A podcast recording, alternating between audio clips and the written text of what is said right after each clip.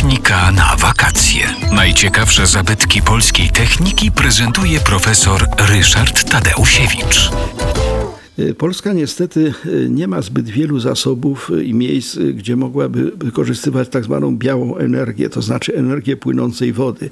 Norwegia, która jest pod tym względem o wiele szczęśliwszym krajem, ponad 90% swojego zapotrzebowania energetycznego zaspokaja właśnie przez elektrownie budowane na różnego rodzaju rzekach, strumieniach, wodospadach. No my niestety tego mamy mało, dlatego że w Polsce specyfika naszych rzek jest taka, że tam, gdzie jest duży spad wody, czyli duża szybkość tej wody, ona mogłaby silnie napędzać e, turbinę. Niestety tej wody jest mało, w górach na przykład. Natomiast tam, gdzie płynie rzeczywiście jakaś większa rzeka, Wisła chociażby, no to ona płynie z kolei po płaskim terenie, no i wobec tego nie bardzo jest jak tą wodę e, spiętrzyć.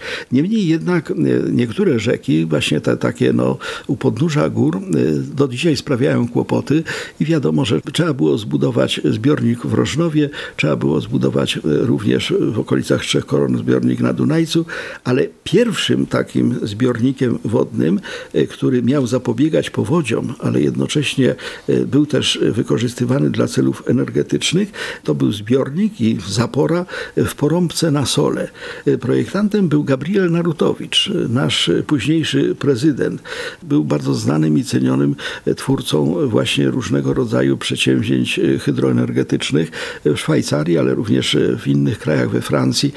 W momencie, jak przybył do Polski, między innymi zajął się właśnie tym, żeby zaprojektować zaporę w Porąbce na Sole, tak zwaną zaporę masywną, bardzo zresztą e, ładnie i do dzisiaj e, funkcjonującą.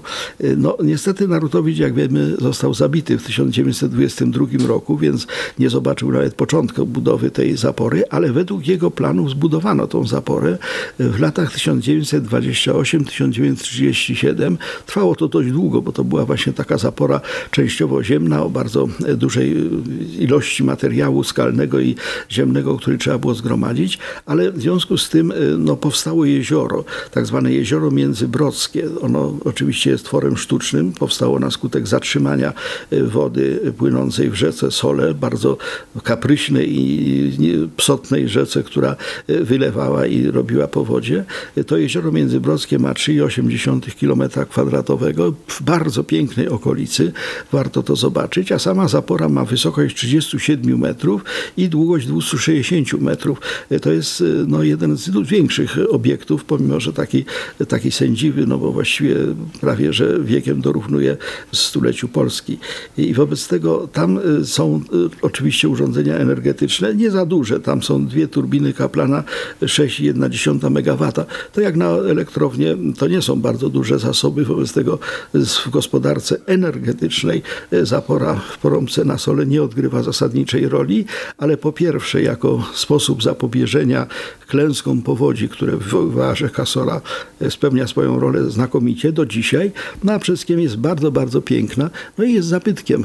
No, nie pokażcie mi e, e, inny kraj, w którym prezydent zbudowałby zaporę.